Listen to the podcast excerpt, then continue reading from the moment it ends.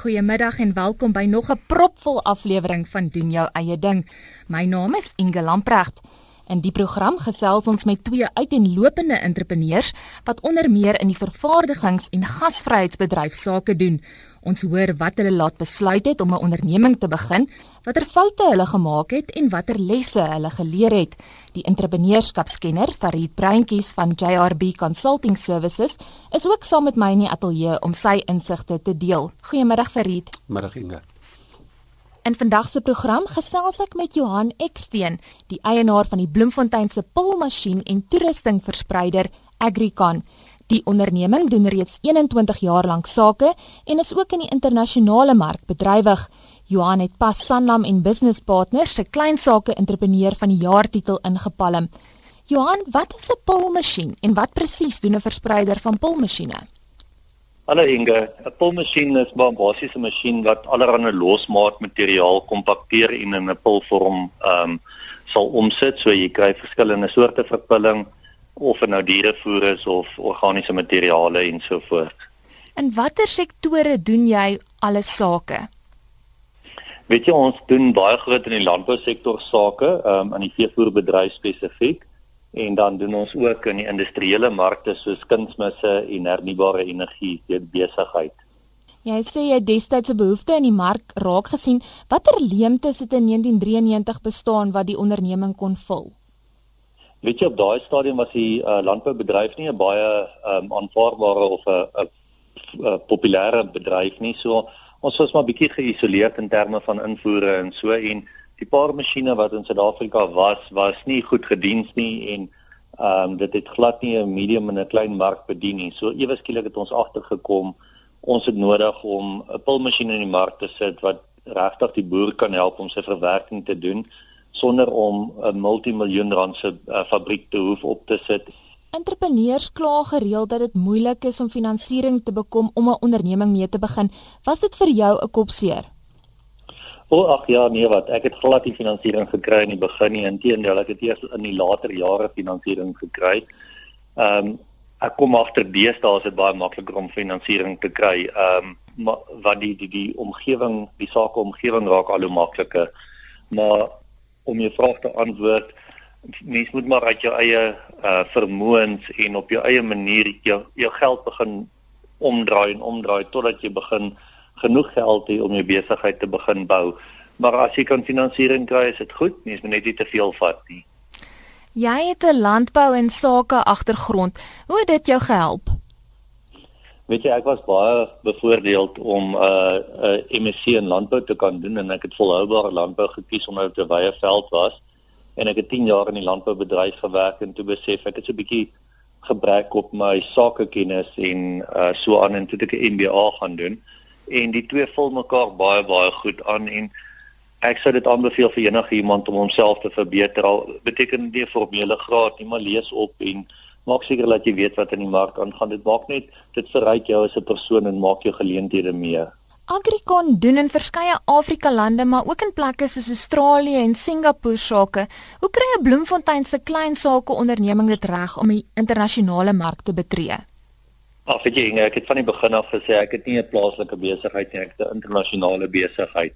So ek het my kop rondom dit gekry en ek het vir myself gevra wat gaan die internasionale mense doen om op my af te kom en wat moet ek doen om my bloot te stel aan hulle?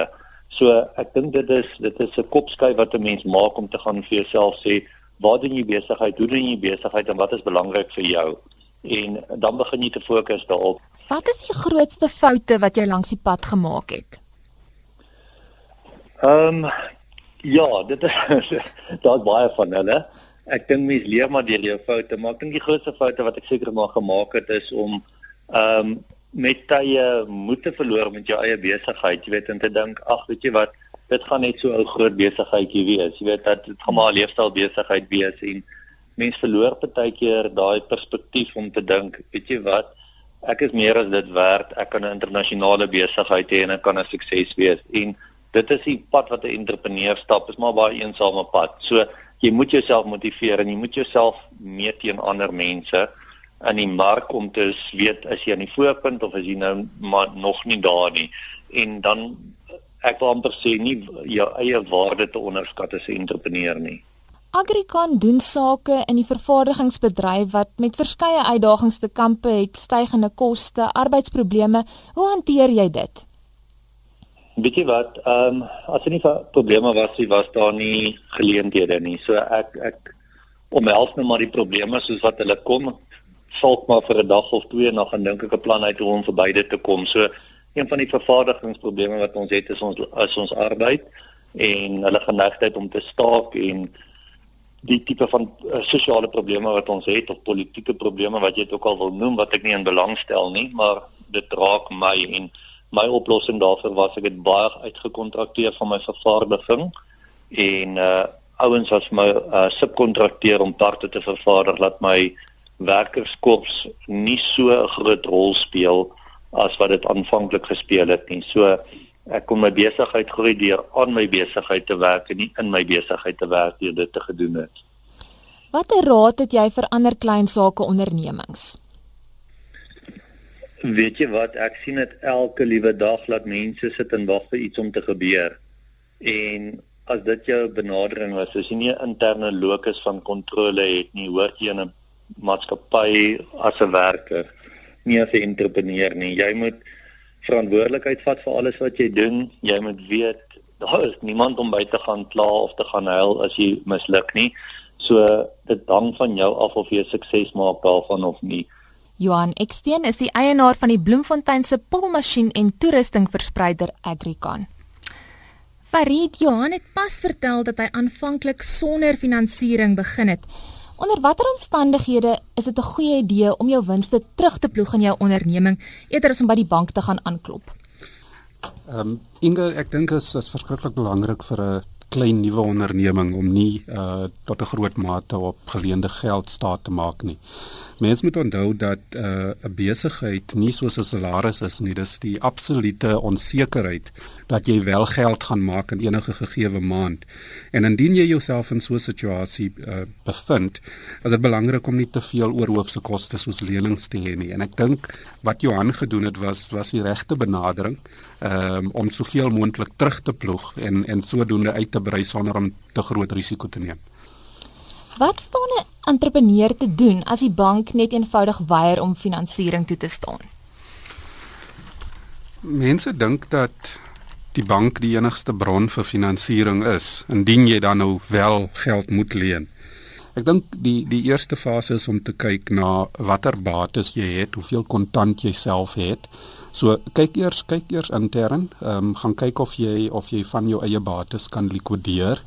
Ehm um, of jy van jou spaargeld kan gebruik. Ehm um, dis dis dis 'n beginpunt. Jou tweede punt is partykeer is dit moontlik om by familie uh geholpe te raak. Dit het natuurlik sy eie voor en nadele.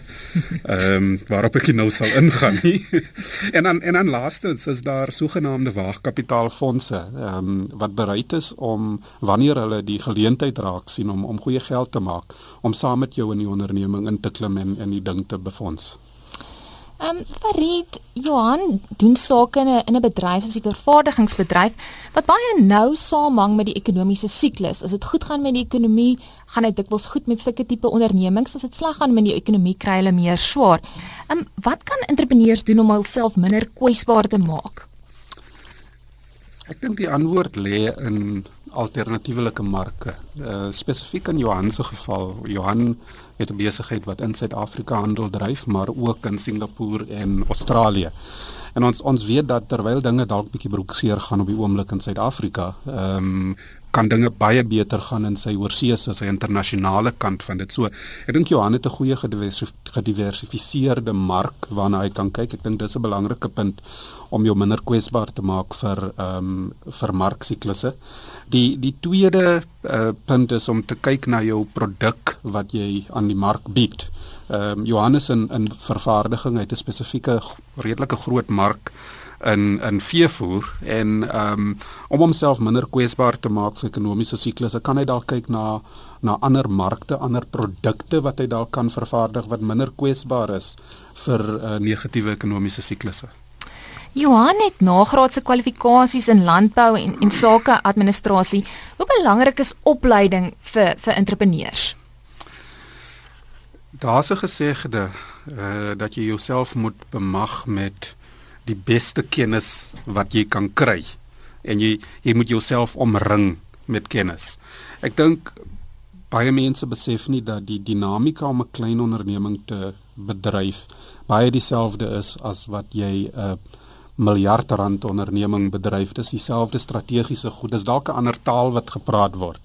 Ehm um, die enigste probleem is dat al daai kennis baie keer in een entrepreneur uh, vasgevang moet word.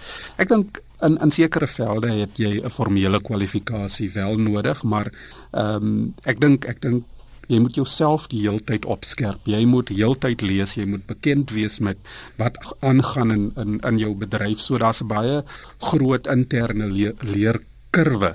En en jou tweede punt is jy moet jou omring met die regte mense wat vir jou die regte antwoorde kan gee en verkieslik nie vir jou geld kos as hulle sodanige antwoorde gee nie.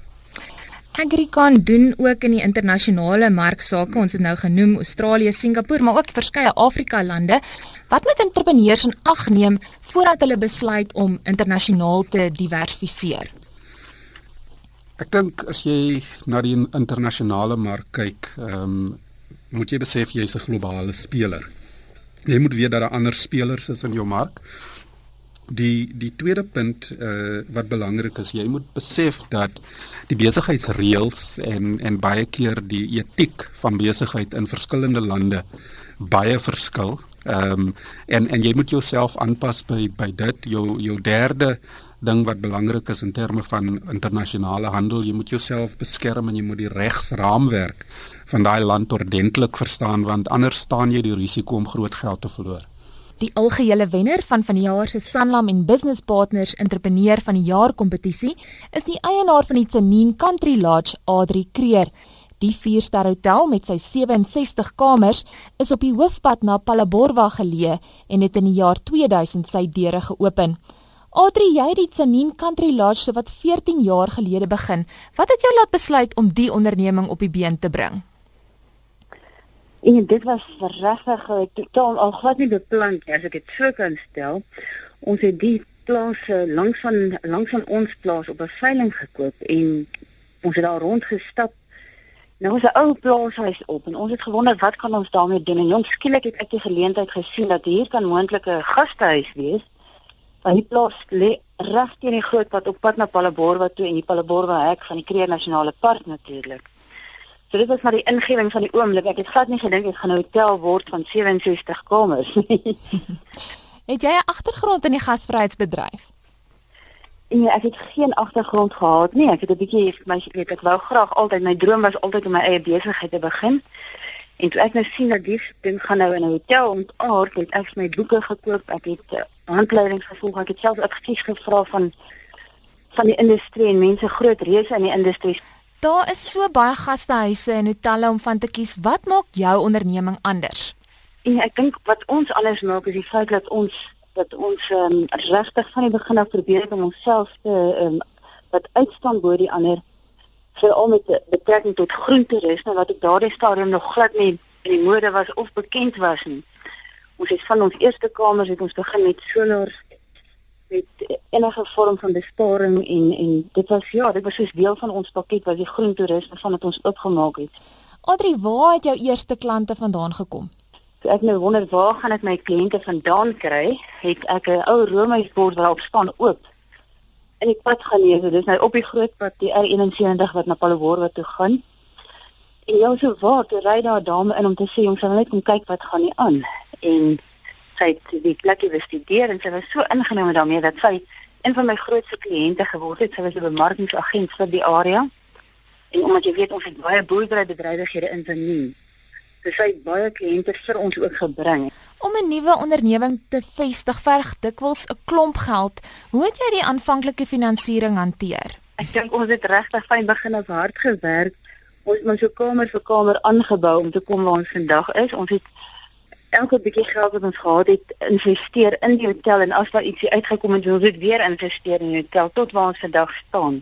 So ek kan regtig sê dat dit was nie maklik om finansiering te kry nie en daarom het ons hard gewerk om om iets te maak van iets. Selfs my vriende het plantjies gegee toe ons die tuin begin het. Was daar tye wat jy gedink het, "Waar het ek my begewe?"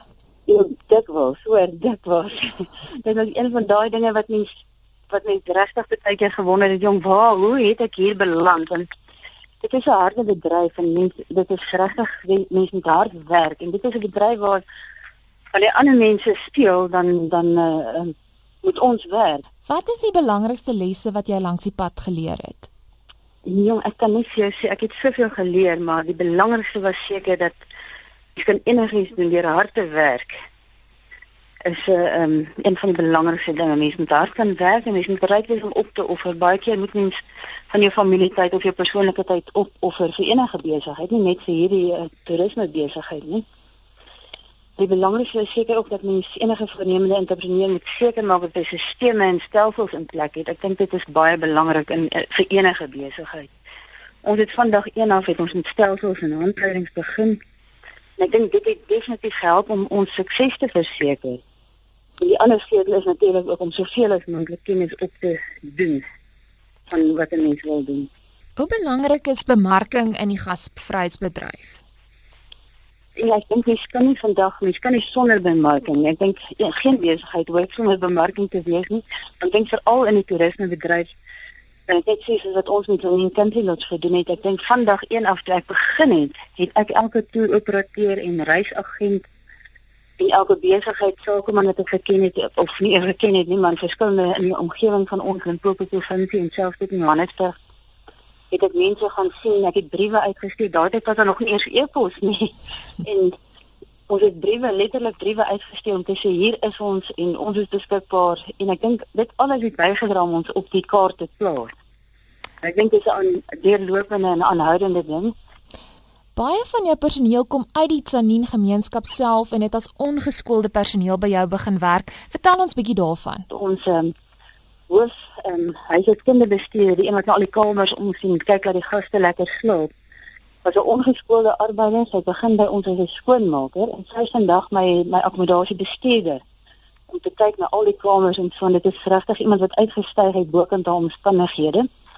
Haar naam is Virginia Balo en ek is so trots op haar want sy is regtig een van my beste bestuurders in 'n in 'n staatmaker.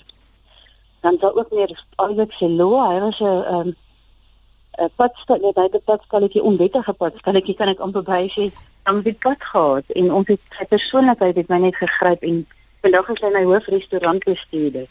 Dit is almal mense uit ons omgewing wat eintlik nie geleerdheid gehad het nie en nie geleenthede gehad het nie. En vandag is hulle deel van die bestuurspan.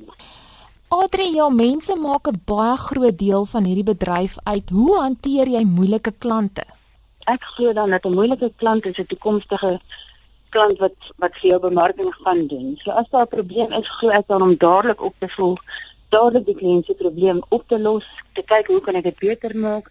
En wanneer ek dit gedoen het, ek het dit keer op keer al gesien, dan kry ek 'n kliënt vir altyd. Die onderneming het baie gegroei die afgelope klompe jare. Wat wil jy nog graag bereik? sien jy baie idees.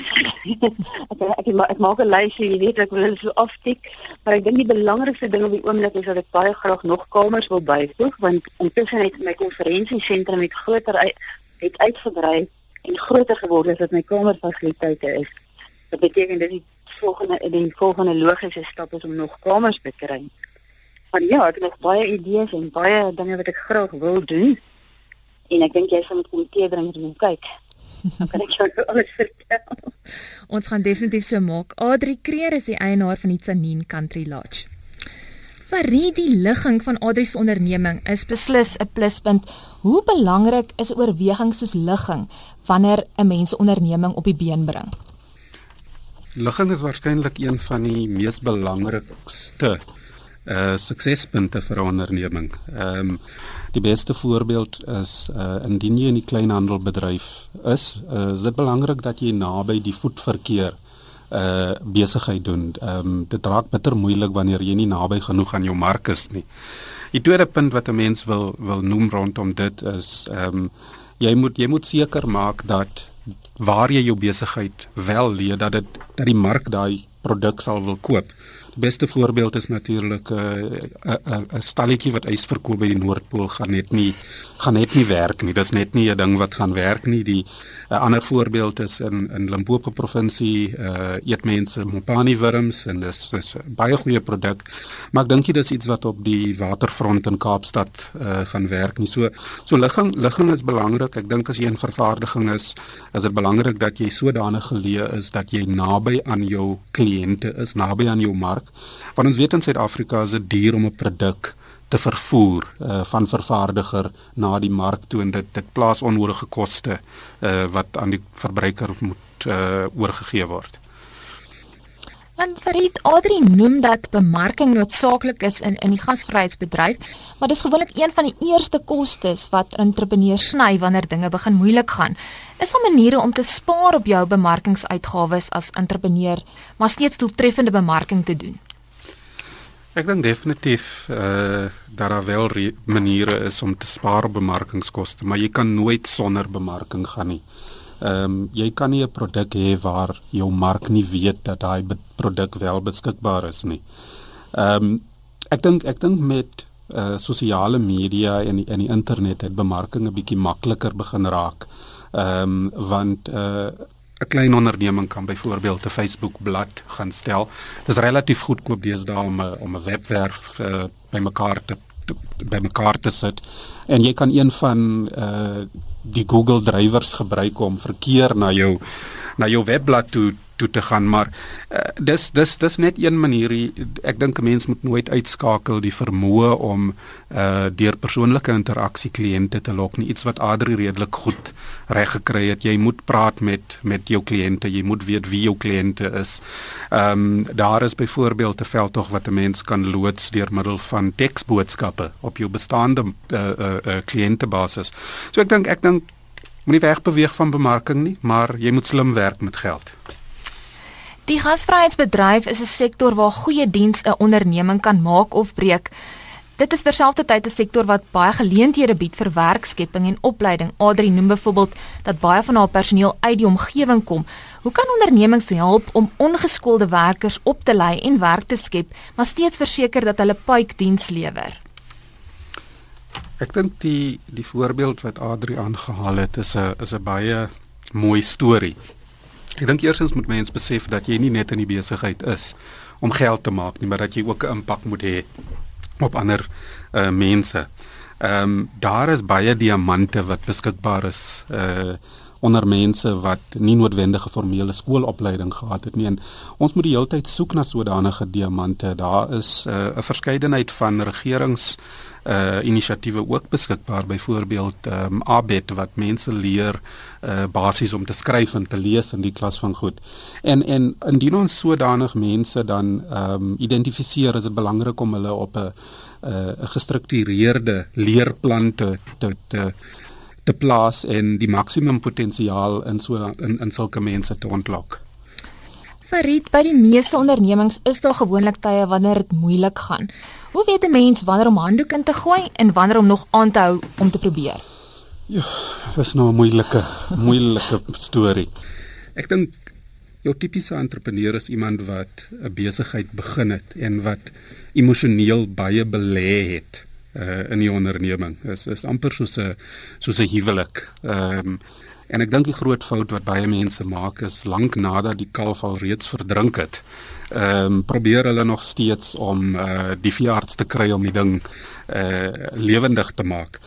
En en dit dis grootendeels omdat dit 'n emosionele besluit is. Ek ek indien jy wel in die moeilikheid beland en jy is nie seker of jy moet handdoek ingooi of uh voortgaan nie dink ek is dit is dit op daai punt waar jy vir jouself 'n stel eksterne oë, stel eksterne kundigheid begin inkry wat geen emosionele uh, koppeling met die onderneming het nie wat krities alles kan kan ontleed en vir jou sê luister indien jy die volgende doen gaan jy jouself kan red of dit maak nie saak wat jy doen nie hierdie hierdie kalf is nou al lankal dood ehm um, kom ons gooi handdoek in.